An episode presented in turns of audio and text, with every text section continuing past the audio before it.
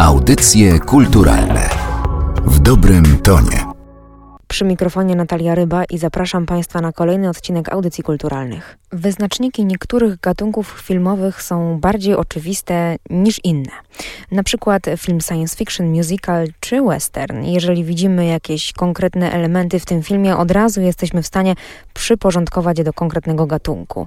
Zdecydowanie bardziej płynne są te cechy wyznaczników gatunkowych w związku z dramatem, thrillerem czy filmem psychologicznym.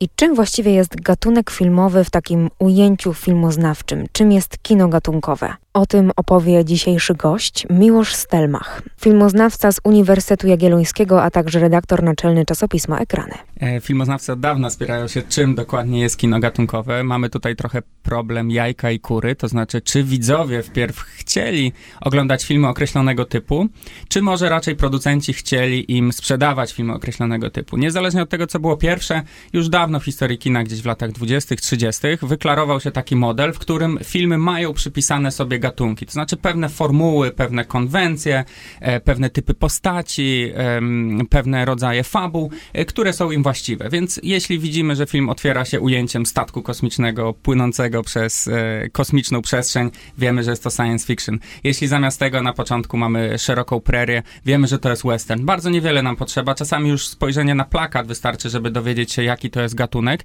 i wiemy, że możemy się spodziewać określonego typu emocji, określonego typu doświadczenia. I kino gatunkowe w takim ujęciu filmoznawczym oznacza wszystkie te filmy, które właśnie łatwo da się wpisać w konwencje gatunkowe, bo oczywiście od tamtej pory powstało wiele, wiele filmów, które nie dają się tak łatwo zaklasyfikować, zwłaszcza twórcy tak zwanego kina artystycznego lubią od tego uciekać, natomiast filmy gatunkowe e, właśnie odpowiadają na nasze oczekiwania związane ze znajomością e, pewnych, e, pewnych konwencji, pewnych rozwiązań, właśnie postaci. Jak jest współcześnie z klasyfikacją? To znaczy, czy my jako widzowie wciąż jej potrzebujemy, czy wręcz przeciwnie, odchodzi się coraz bardziej od niej na rzecz takiej wolności wyrazu? Z jednej strony ta klasyfikacja, tak jak każda inna, jest trochę ograniczająca i każdy z nas ma poczucie czasami, że ona nie wystarcza, że, że zamyka w jakichś ramkach. Z drugiej strony te klasyfikacje powstały właśnie dlatego, że są nam potrzebne. Kiedy opowiadamy komuś o filmie, który nam się bardzo podobał, zazwyczaj jedną z pierwszych rzeczy, jaką powiemy, no to jest taki horror, e, to jest świetny kryminał, e, bo po prostu wiemy, że te frazy e, od razu coś tłumaczą. Horror, jeśli powiemy komuś, że to jest horror, od razu będzie całe grono ludzi, którzy powiedzą, o nie, to ja tego nie oglądam, bo nie lubię się bać. Więc jedno słowo wystarczy, żeby przekazać, z jakiego typu doświadczeniem filmowym mamy do czynienia. Oczywiście to nie wystarcza, ale pozwala nam już w jakiś sposób się komunikować. Trochę tak, e, jak działają inne kategorie. Czasami mówimy o filmach z danym aktorem, mówimy o filmach z danego kraju, albo nawet z danej wytwórni. Natomiast gatunek też pozwala przekazać pewne informacje o filmie. Jak polska kinematografia radzi sobie z kinem gatunkowym? W takim razie? E, radzi sobie tak sobie, szczerze mówiąc. To znaczy, z jednej strony oczywiście nie jest tak, że w Polsce nie potrafimy robić filmów gatunkowych, zwłaszcza dwa gatunki są takimi naszymi narodowymi, bym powiedział, e, to znaczy komedie, a z drugiej strony takie kino historyczne albo trochę biograficzne. To też jest stały element od wielu, wielu e, już dekad. Natomiast na pewno mamy problem z gatunkami, które są trochę bardziej specyficzne, które trochę wymagają większej też takiej stylizacji, większych nakładów pracy, pracy, ale też nakładów po prostu finansowych. Więc jeśli trzeba zrobić stylowy horror, e, jakiś właśnie film science fiction, no to już tutaj może być trochę ciężej, bo nie mamy ani takich doświadczeń w tej dziedzinie, w związku z tym też e, filmowców, którzy są wyspecjalizowani w tych gatunkach, ani właśnie czasami po prostu środków i możliwości, żeby zrobić to dobrze. No bo filmu science fiction nie da się zrobić tak jak komedii romantycznej w kilku miejscach e, na warszawskiej ulicy e, i wszystko będzie wyglądać ładnie. Dzisiaj głównie chciałabym się skupić jednak na konkretnym przykładzie gatunku, a mianowicie na westernie w kinie polskim. E, western kojarzy się z gatunkiem wybitnie amerykańskim i jest to skojarzenie oczywiście e, prawidłowe, no bo western jakby wywodzi się, sama nazwa, ten, ten west, ten zachód, to chodzi o dziki zachód Stanów Zjednoczonych, jeszcze gdzieś tam w XIX wieku kolonizowany powiedzmy przez, e, przez Amerykanów. Natomiast okazało się, że ta formuła nie musi się sprawdzać tylko i wyłącznie właśnie w Stanach Zjednoczonych i na na Dzikim Zachodzie, więc podobne typy postaci i podobne tematy da się robić także w innych warunkach. I kino polskie, czy w ogóle kino środkowoeuropejskie, wschodnioeuropejskie nazwijmy, to też ma swoje tradycje w tym gatunku. Z jednej strony były to filmy faktycznie dziejące się na Dzikim Zachodzie, chociaż kręcone na przykład, nie wiem, w Jugosławii, e, tutaj słynne e, adaptacje na przykład Karola Maja, e, jeszcze z lat 60. Natomiast powstała też taka specyficzna odmiana, którą się czasami nazywa Easternem, właśnie tak jak mamy western odnoszący się do zachodu, tak też możemy mieć Eastern odnoszący się do wschodu, wschodu Europy.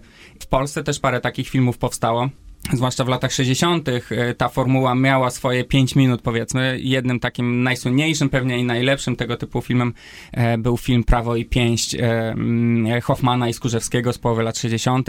Tam też mamy dziki zachód, ale jest to dziki zachód polski, bo film się dzieje zaraz po II wojnie światowej, kiedy ta zachodnia część to są tak zwane ziemie odzyskane, wówczas opuszczone przez Niemców już, a jeszcze nie zasiedlone przez Polaków.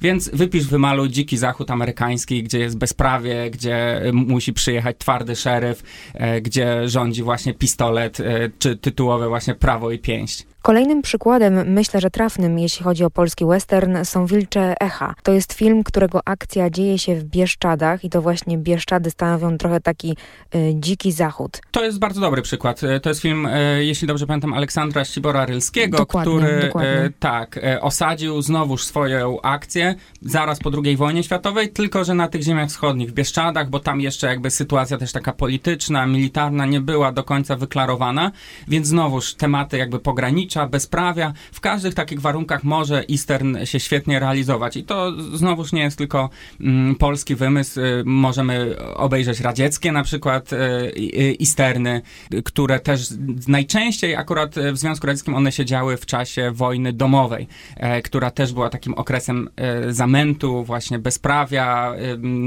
przesuwania się granic, granic takich fizycznych, ale też granic moralnych, granic e, tego, co dopuszczalne, e, co wolno, więc we wszystkich takich sytuacjach e, właśnie sprawdza się konwencja westernu, bo ona się idealnie do tego nadaje. Ona zawsze ma w sobie wpisany taki mm, konflikt pomiędzy na przykład stróżem prawa, a kimś, kto to prawo przekracza. Między siłą cywilizacji i prawa, a tym, co dzikie, co naturalne, co takie nieokiełznane. Zazwyczaj ma w sobie właśnie jakiś taki dylemat moralny z tym związany, potrzebę obrony porządku, kształtowania się nowego porządku. Tak często się w, w kontekście historycznym interpretuje e, western, ten klasyczny amerykański, jako właśnie filmy o budowaniu porządku, o budowaniu jakby nowego ładu w miejsce czegoś, co było wcześniej e, dzikie. Czy żeby zrobić dobry western, potrzebny jest ogromny budżet? Mm, nie wiem, czy jest to jednoznaczne, natomiast na pewno się przydaje. To znaczy, przede wszystkim e, western e, osadzony jest w jakichś realiach historycznych. E, pewnie można i czasami się próbuje szukać takich przykładów filmów zupełnie współczesnych, ale korzystających z niektórych westernowych, westernowych konwencji. Da się to oczywiście zrobić, natomiast najczęściej jednak potrzebne są nam właśnie określone okoliczności historyczne, a te wymagają po prostu środków, żeby dobrze to zrekonstruować. Potrzebujemy efektownych plenerów, plenerów, potrzebujemy kostiumów, potrzebujemy e, scenografii. E, nie musi to być od razu wielka superprodukcja, ale nie da się też tego zrobić na mikrobudżecie. Niedawna premiera Magnezji w reżyserii Macieja Bochniaka została uznana właśnie za taki przykład współczesnego westernu. E, to czarna komedia ze świetną scenografią, kostiumami i ze wspaniałą obsadą. Czy to jest właściwie dobry przykład wychodzenia naprzeciw kinu gatunkowemu? Wiem, że zdania na temat tego filmu są e, podzielone i, i, ja sam nie wszystko kupuję w tym filmie, ale akurat konwencję westernu i tą taką stronę realizacyjną, produkcyjną, tak. Bardzo mi się podobało właśnie to, że reżyser e, Maciej Bochniak zdecydował się właśnie na tą konwencję westernową. Widać było, że e, go ciągnie do tego. Jeśli e, ktoś oglądał jego pierwszy film Disco Polo, to tam pierwsza, pierwsza scena, pierwsza taka sekwencja też była utrzymana w konwencji westernowej i była jedną z zabawniejszych i lepszych, więc e, widać, że ten reżyser ma pasję po prostu do gatunku. Oczywiście potraktowanego w sposób taki trochę pastiszowy, no bo to nie jest e, typowy western, raczej taka mm, trochę zgrywa z tego gatunku, takie mrugnięcie okiem do widzów, którzy rozpoznają pewne typy postaci, właśnie pewne okoliczności. Natomiast uważam, że pod tym względem udało się to bardzo dobrze, choć film był kręcony w Nowym Sączu, e, to e, jakby jest w pełni, w pełni moim zdaniem wiarygodne takie przedstawienie tego trochę historyczne, bo film też się dzieje właśnie w latach międzywojennych, ale z drugiej strony takie umowne, no bo westerny niby się działy działy gdzieś w jakimś konkretnym miejscu, ale tak naprawdę działy się gdzieś kiedyś, za górami, za lasami, dawno, dawno temu. I tutaj to, ta taka umowność, e, trochę baśniowa, moim zdaniem jest bardzo fajnie zachowana. Ja doceniam magnezję też przez wzgląd na to, o czym mówisz, to znaczy takie mrugnięcie w stronę widza, e, zabawa konwencją, trochę takie wyzwanie, żeby poszukać różnych odnośników, różnych kontekstów. To mi na myśl przywodzi inny film, y, niedawną produkcję polską, e, właściwie polskiego slashera, W lesie dziś nie zaśnie nikt. Co wydaje mi się jest takim dobrym też przykładem, że polscy twórcy chcą próbować kina gatunkowego, poza komediami. Tak, y, też oczywiście pomyślałem o tym filmie, W lesie dziś nie zaśnie nikt, ponieważ kiedy on miał premierę, niestety nie kinował, bo on wchodził w okresie pandemii i od razu jakby trafił na serwisy e, VOD. Szkoda, bo być może, e, być może miałby lepszą ekspozycję. Dużo się właśnie mówiło o tym, jak polskie kino radzi sobie z gatunkami, właśnie tymi gatunkami, które nie są dla niego typowe, bo o ile, tak jak mówiłem, filmy biograficzno-historyczne, czy, czy komedie, czy nawet filmy sensacyjne, jakby wiemy już, jak się robi, o tyle właśnie z horrorem czy z westernem nie mamy tak dużych doświadczeń. Mam wrażenie, że w tamtym filmie, który jest właśnie, jak wspomniałaś, takim slasherem, wziętym jeszcze z ducha takiego kina amerykańskiego lat 80., wszystko jest trochę bardziej na poważnie, to znaczy on stara się tak realizować od A do Z pewną formułę gatunkową, gdzie mamy grupkę ludzi, młodych ludzi zagubionych w lesie, e, jakieś e, mroczne zagrożenie i oni po kolei umierają. To jest jakby takie podręcznikowe.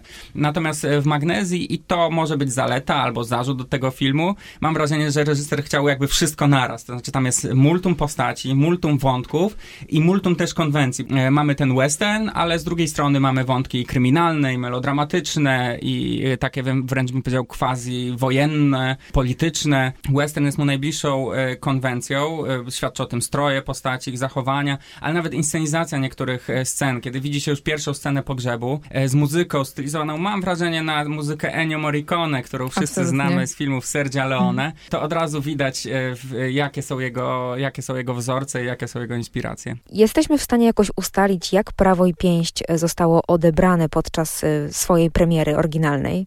Dobre pytanie. Szczerze mówiąc, mogłem to sprawdzić przygotowując się do rozmowy, ale tego nie zrobiłem, więc, więc nie mam pojęcia. Na pewno popularna była piosenka e, z tego filmu. On zaczyna się taką e, balladą ze słowami, jeśli dobrze pamiętam, Agnieszki Osieckiej, e, która świetnie wprowadza w ten film, ale jednocześnie funkcjonuje bardzo dobrze bez niego.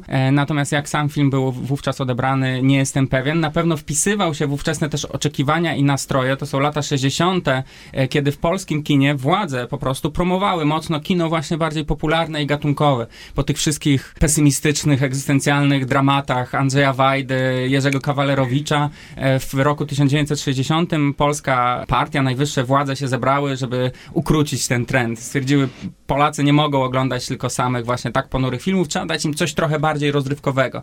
I to jest czas, kiedy mamy właśnie trochę więcej komedii, ale też trochę więcej filmów kryminalnych na przykład. No i powstaje też e, taki western, więc na pewno wpisywał się on e, w takie zapotrzebowania. A jeśli jeszcze do tego dodamy fakt, że dla tej ekipy Ziemie odzyskane były szczególnie ważnym tematem, podkreślano taki mit jakby tych ziem i powrotu do macierzy, y, zjednoczenie z, z powrotem z ziemiami dawno polskimi, no to ten film jakby idealnie odpowiadał na swoje czasy. I teraz trochę takie pytanie wybiegające w przyszłość. Czy byłbyś w stanie ocenić, jak polska kinematografia może podchodzić do kina gatunkowego w przyszłości? Czy będzie to coś, z czym będziemy mierzyć się jako widzowie coraz częściej? To znaczy, trudno mi sobie wyobrazić, żeby polskie kino nagle stało się słynne z gatunków, tak jak, e, nie mówię nawet tu o kinie amerykańskim, ale tak jak powiedzmy kino koreańskie, które faktycznie e, podbija świat. Jakby nie jesteśmy tego też, tych rozmiarów kinematografii, nie mamy tych możliwości. Z drugiej strony, w Polsce powstaje już po prostu na tyle dużo filmów, na tyle dużo różnorodnych filmów, że właśnie pojawia się miejsce e, na tego typu zabawy i eksperymenty Dużo będzie zależeć od tego, czy one będą dobrze przyjmowane przez widzów i krytykę, bo jeśli będą zachęcać do kolejnych e, podobnych filmów, no to na pewno znajdą się też e, i twórcy, którzy chcą tego typu kino robić, i producenci przede wszystkim, którzy chcą tego typu kino produkować, więc e, trudno mi cokolwiek prorokować, ale sądzę, że w polskiej kinematografii, która już produkuje rocznie tam 60, 70 powiedzmy e, filmów pełnometrażowych, jest miejsce przynajmniej na jeden, dwa tego typu typowo gatunkowe filmy. I wydaje mi się, że to się zaczyna zaczyna dziać. To znaczy, to są wspomniane przykłady, ale też dosyć mocno dyskutowany taki sylwestrowy, powiedzmy, film Wszyscy moi przyjaciele nie żyją. Widzieliśmy jakieś zalążki kina, powiedzmy, szpiegowskiego. Kryminał się u nas dobrze przyjmuje, zwłaszcza w takim wydaniu skandynawskim. Co jakiś czas mamy próby takiego właśnie Nordic Noir, jak to się mówi czasami, które u nas też ma swoje literackie bardzo mocne odbicie, więc e, myślę, że, że możemy spodziewać się od czasu do czasu tego typu e, filmów. E, oczywiście pytanie, czy widzowie będą chcieli oglądać, bo od tego zależy ich późniejsza też kariera i powodzenie. Bardzo dziękuję za dzisiejszą rozmowę i do usłyszenia. Audycje kulturalne w dobrym tonie.